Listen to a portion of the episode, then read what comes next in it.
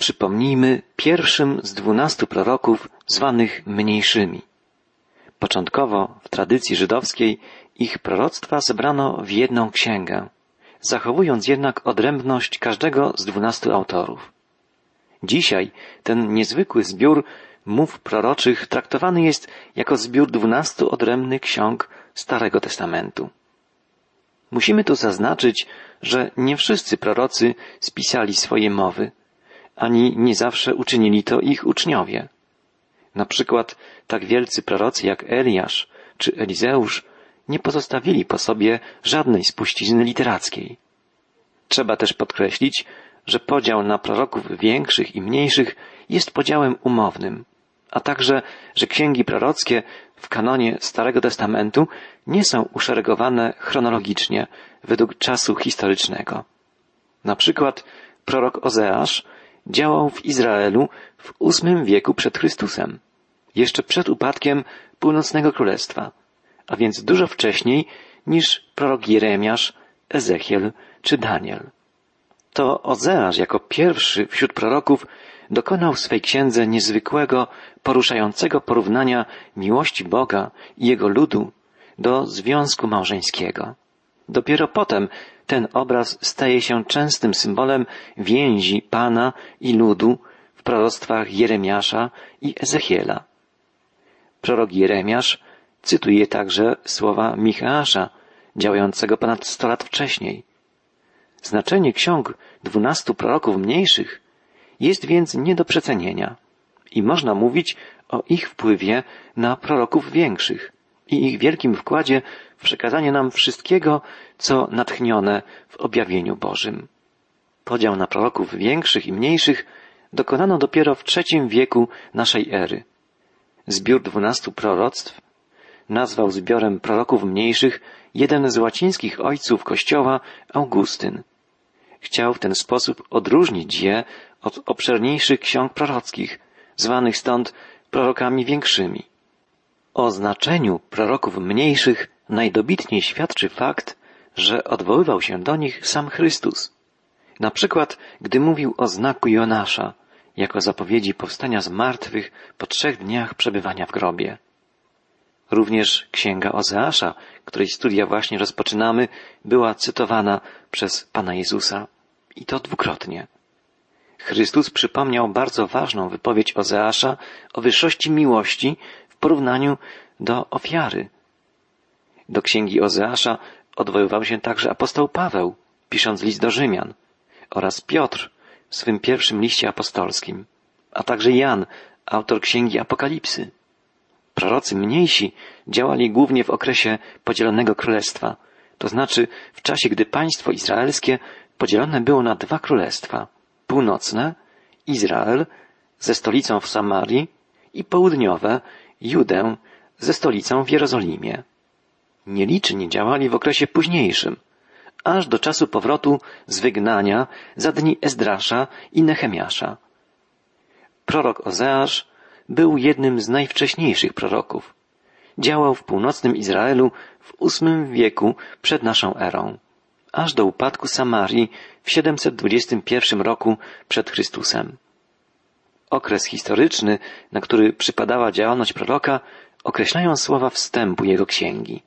Czytamy Słowo pańskie skierowane do Ozeasza, syna Beriego, za dni królów judzkich Uzjasza, Jotama, Achaza i Ezechiasza oraz króla izraelskiego Jeroboama, syna Joasza. Ozeasz rozpoczął swą działalność za panowania Jeroboama II, a kontynuował ją za jego następców, aż do upadku stolicy północnego królestwa Izraela w 721 roku. Równocześnie w Królestwie Południowym, Judzkim, w Jerozolimie panowali wówczas wymienieni królowie z linii Dawidowej. Uzjasz, Jotam, Achaz i Ezechiasz, inaczej Hiskiasz. Jeroboam II był złym, bezbożnym królem. I za jego czasów w północnym Izraelu rozwinęły się liczne kulty bałwochwalcze. Odstępstwo duchowe pociągało za sobą upadek moralny. Powszechnie uprawiano nierząd kultowy na wzór pogański. Ozeasz otrzymał od Boga zadanie, które Pan stawiał potem wielu kolejnym prorokom. Miał przypominać o przymierzu z jedynym prawdziwym, żywym Bogiem i miał reprezentować Pana, być Jego głosem w dobie odstępstwa króla i upadku i degeneracji całego ludu. Posłuchajmy, jakie słowa skierował na początku Bóg do swego proroka. Gdy rozpoczął Pan przemawiać przez Ozeasza, rzekł do niego Idź, a weź za żonę kobietę, co uprawia nierząd i bądź ojcem dzieci nierządu. Kraj bowiem, uprawiając nierząd, odwraca się od Pana. Zdumiewające to słowa. Nie chodzi tu o symboliczne gesty, ale o rzeczywiste działanie. Ozeasz naprawdę otrzymuje polecenie, by poślubić kobietę, która uprawia nierząd.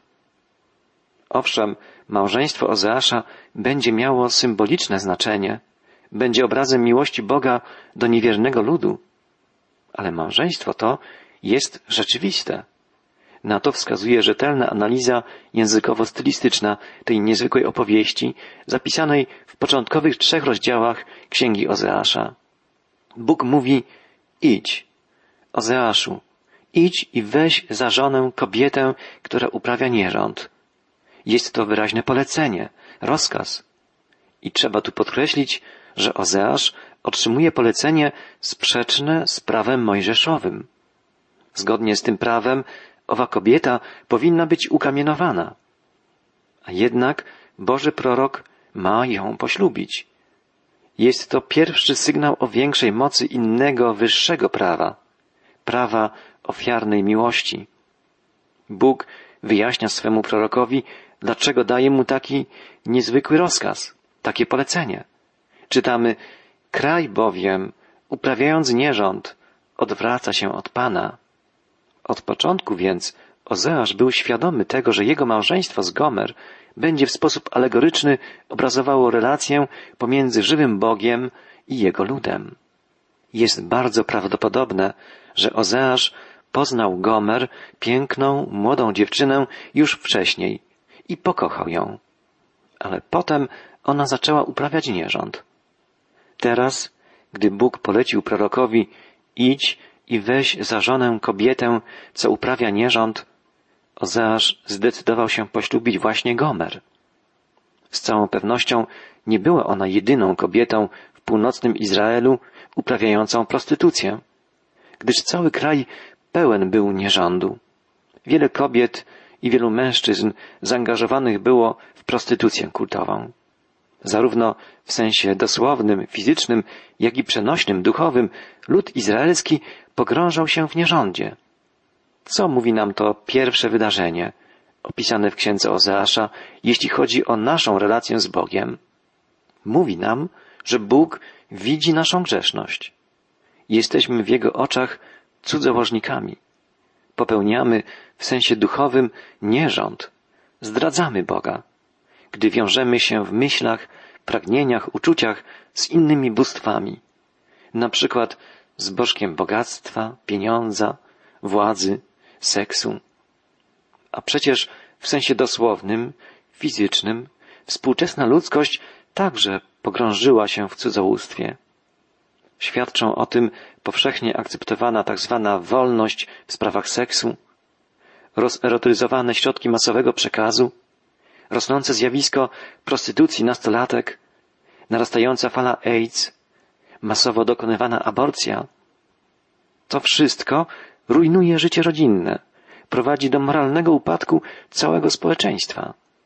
Powstrzymanie tego procesu może dokonać się jedynie dzięki gruntownej duchowej odnowie, dzięki odkryciu wielkiej miłości Boga, okazanej nam w Jezusie Chrystusie. Przypomnijmy tu, że imię Ozeasz w oryginalnym hebrajskim brzmieniu Hoshea to skrót imienia Jehoszua, to znaczy Jahwe wybawicielem. Jehoszua to oryginalne brzmienie imienia Jezus, w którym zawarta jest prawda o naszym Zbawicielu. Ale wróćmy do historii Ozeasza. Dalej czytamy. Poszedł więc i wziął za żonę Gomer, córkę Diblajma, a ta poczęła i urodziła mu syna. I rzekł Pan do niego, nadaj mu imię Izrael, bo niewiele czasu upłynie, a pomszczę na domu Jehu krwawe zbrodnie w Izrael i kres położę królestwu domu Izraela. W owym dniu złamię łuk Izraela na równinie Izrael. Urodziło się pierwsze dziecko, syn, któremu Bóg polecił nadać imię Izrael. To symboliczne imię. Znaczy ono Bóg sieje albo Bóg rozrzuca. Izrael to także nazwa miasta, w którym kiedyś Jehu dokonał mordu rodziny królewskiej. To także nazwa równiny, gdzie odbywały się w przeszłości krwawe bitwy. I zgodnie z proroczymi zapowiedziami, tam odbędzie się ostatnia, rozstrzygająca bitwa z siłami zła. Dolina ta nosi też nazwę Armagedon. Prorok zapowiada w imieniu Pana. W owym dniu złamię łuk Izraela na równinie Izrael. Jest to zapowiedź upadku Królestwa Północnego Izraela. Proroctwo to wypełniło się w 721 roku, przed naszą erą, przed Chrystusem. Wtedy wojska asyryjskie zdobyły Samarię i podbiły cały kraj. Uprowadziły do niewoli dziesięć północnych plemion izraelskich. Taka jest wymowa imienia Izrael, które Bóg polecił nadać pierwszemu dziecku Gomer i Ozeasza. Dalej czytamy. Poczęła znowu i porodziła córkę. Rzekł do niej Pan, nadaj jej imię Loruhama, bo domowi Izraela nie okażę już więcej litości, ani im nie przebaczę.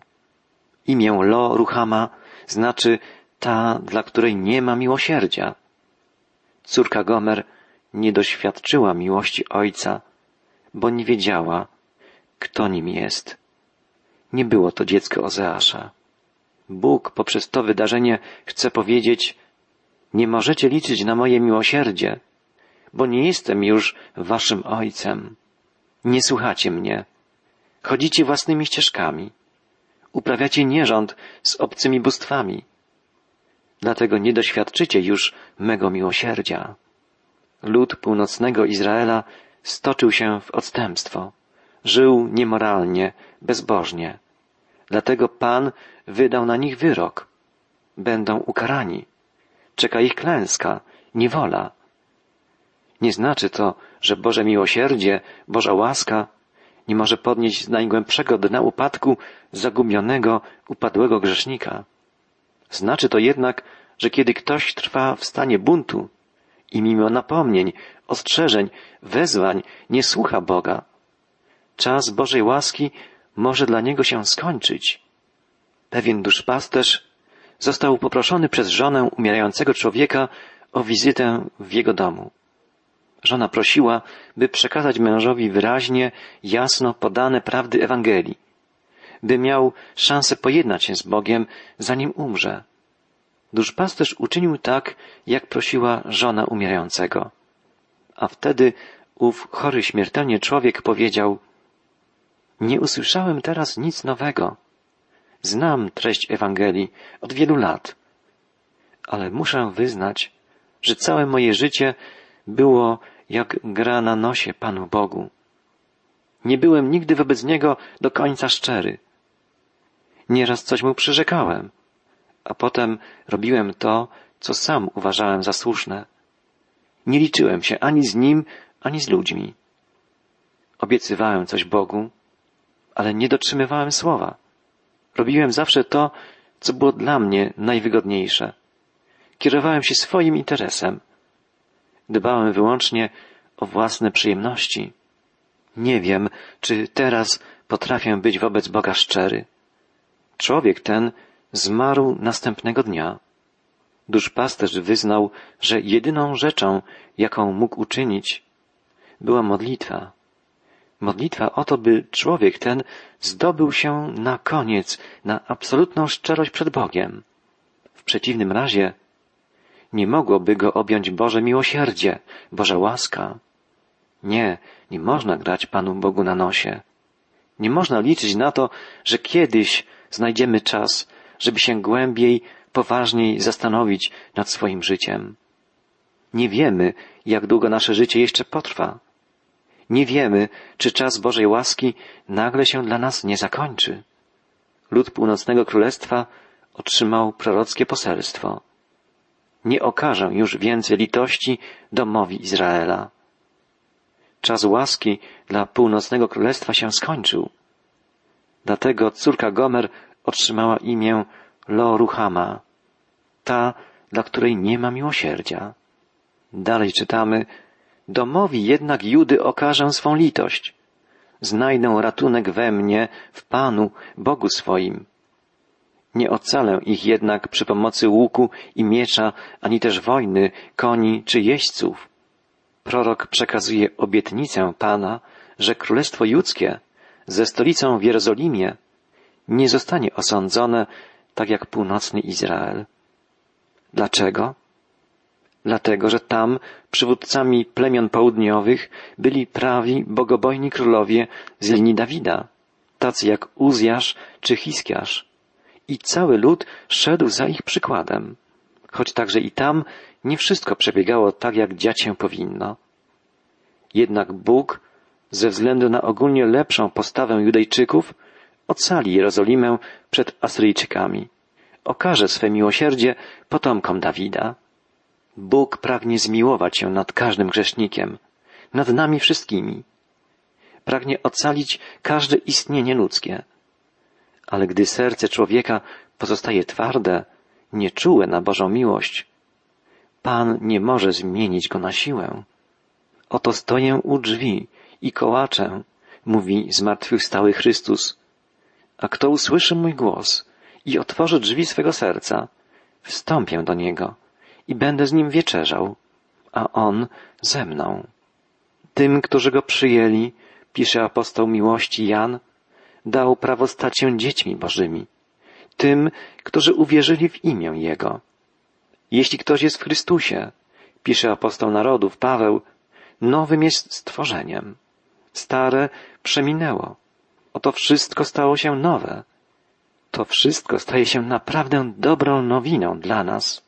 Staje się dla nas rzeczywistością, gdy otwieramy dla Boga swoje serce i pozwalamy, by przemienił je. Oczyszczenie z grzechu, przebaczenie win, uświęcenie, wszystkie te wspaniałe rzeczy stają się naszym udziałem, jeśli odpowiemy na Boże wezwanie jeśli na Jego miłość okazaną nam w Chrystusie odpowiemy szczerością, pokorą, wzajemnością. Jednak jeśli z naszej strony Bóg napotyka opór, bunt, nieposłuszeństwo, nie może ogarnąć nas swoją przebaczającą, cudowną łaską. Odnośnie Judejczyków Bóg powiedział, znajdą ratunek we mnie, w Panu, Bogu swoim. I wiemy, że Bóg ocalił Jerozolimę, dziesiątkując potężną armię asyryjską, gdy obległa ona miasto Dawidowe. Natomiast Samaria, stolica północnego Izraela, została przez Asyryjczyków zdobyta i całe północne królestwo upadło. Dalej czytamy o Gomer, żonie proroka Ozeasza. Gdy przestała karmić córkę Loruhama, poczęła znowu i porodziła syna. Rzekł Pan, Nadaj mu imię Loami, bo wy nie jesteście mym ludem, a ja nie jestem waszym Bogiem. Trzecie dziecko otrzymało imię Loami, to znaczy nie mój lud, albo nie moje dziecko. Był to drugi syn Gomer, ale nie było to dziecko Ozeasza. Możemy sobie wyobrazić, jak cierpiał prorok, w ten sposób jednak był w stanie w jakimś stopniu zrozumieć, co czuje Bóg, któremu ukochany lud odmawia wierności i miłości. Bóg polecił prorokowi, nadaj temu chłopcu imię nie mój lud, bo wy nie jesteście moim ludem, a ja nie jestem waszym Bogiem. Wstrząsające słowa. Gdyby tu zakończyła się opowieść księgi Ozeasza, musielibyśmy stwierdzić, że jest to smutna, tragiczna opowieść i musielibyśmy przyznać rację tym, którzy uważają, że naród żydowski został odtrącony przez Boga. Wy nie jesteście moim ludem, a ja nie jestem waszym Bogiem, Te słowa brzmią jak wyrok, ale są na szczęście tylko ostrzeżeniem i dotyczą określonego wycinka historii Izraela. Lud izraelski wkrótce zostanie pokonany przez wroga i zabrany do niewoli. Ale po kilkudziesięciu latach wierna resztka powróci do Jerozolimy. Odbuduje świątynię, mury obronne. Potem zostanie zburzona druga świątynia. I do dzisiaj jej nie odbudowano. Ale istnieje państwo Izrael i coraz więcej Żydów z całego świata powraca do ojczyzny. Bóg ukarał swój lud, dopuścił niewolę, wygnanie, rozproszenie, ale nie odrzucił Izraela. Świadczy o tym także cała dalsza opowieść księgi Ozeasza. Już następny wiersz, otwierający drugi rozdział księgi, mówi Liczba synów Izraela będzie jak piasek nadmorski, którego nie można zmierzyć i nie można zliczyć. A zamiast ich nazywać lud nie mój, będą im mówić dzieci żyjącego Boga. Było na przestrzeni historii wielu ludzi, którzy próbowali zniszczyć, unicestwić naród żydowski. Wystarczy, kiedy przypomnimy sobie szaleństwo II wojny światowej i systematyczne, planowe mordowanie Żydów dokonywane przez nazistów. Hitler chciał unicestwić naród żydowski. Była to wręcz jego obsesja, inspirowana z pewnością przez szatana, wroga ludu Bożego. Ale Bóg obiecał, liczba synów Izraela będzie jak piasek nadmorski, którego nie można zmierzyć i nie można zliczyć. A zamiast ich nazywać lud nie mój, będą im mówić dzieci żyjącego Boga. To proroctwo jeszcze się nie wypełniło, ale zarówno tu, w księdze Ozeasza, jak i w proroctwach Izajasza, Jeremiasza, Ezechiela, Daniela i wszystkich pozostałych proroków Starego Testamentu, znajdujemy tę samą zapowiedź. Nadejdzie czas, gdy Bóg okaże miłosierdzie narodowi izraelskiemu. Będzie to znak, że zbliża się koniec historii. Znak, że dopełniają się zbawcze plany Boga. Dla wszystkich wierzących, dla ludu zarówno pierwszego, jak i nowego przymierza, nastanie czas wielkiej radości, czas spełnionych nadziei, czas braterstwa i wspólnego przebywania u boku Pana Panów i Króla Królów.